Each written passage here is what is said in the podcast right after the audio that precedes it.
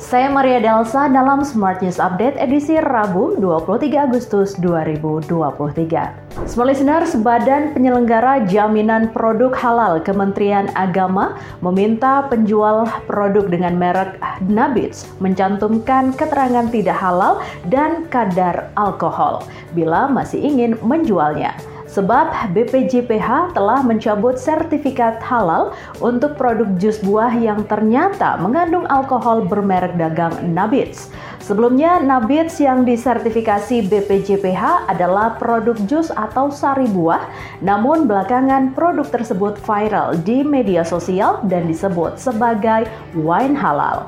Berita selanjutnya, polusi jadi masalah besar yang belum teratasi hingga saat ini.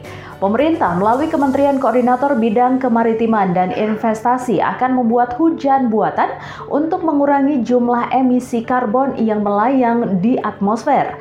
Deputi Koordinator Bidang Transportasi dan Infrastruktur Kemenko Marves Rahmat Kaimudin mengatakan bahwa pemerintah saat ini tengah bekerja keras untuk mengatasi kondisi polusi udara yang ada saat ini. Berita terakhir, Kepala Badan Pangan Nasional Arief Prasetyo Adi mengatakan pihaknya terus menggencarkan gerakan pangan murah di seluruh daerah untuk menurunkan harga beras. Demi menjaga daya beli masyarakat berpendapat rendah, pemerintah juga akan kembali menggelontorkan bantuan pangan beras kepada 21.353 juta keluarga penerima manfaat yang tersebar di seluruh provinsi.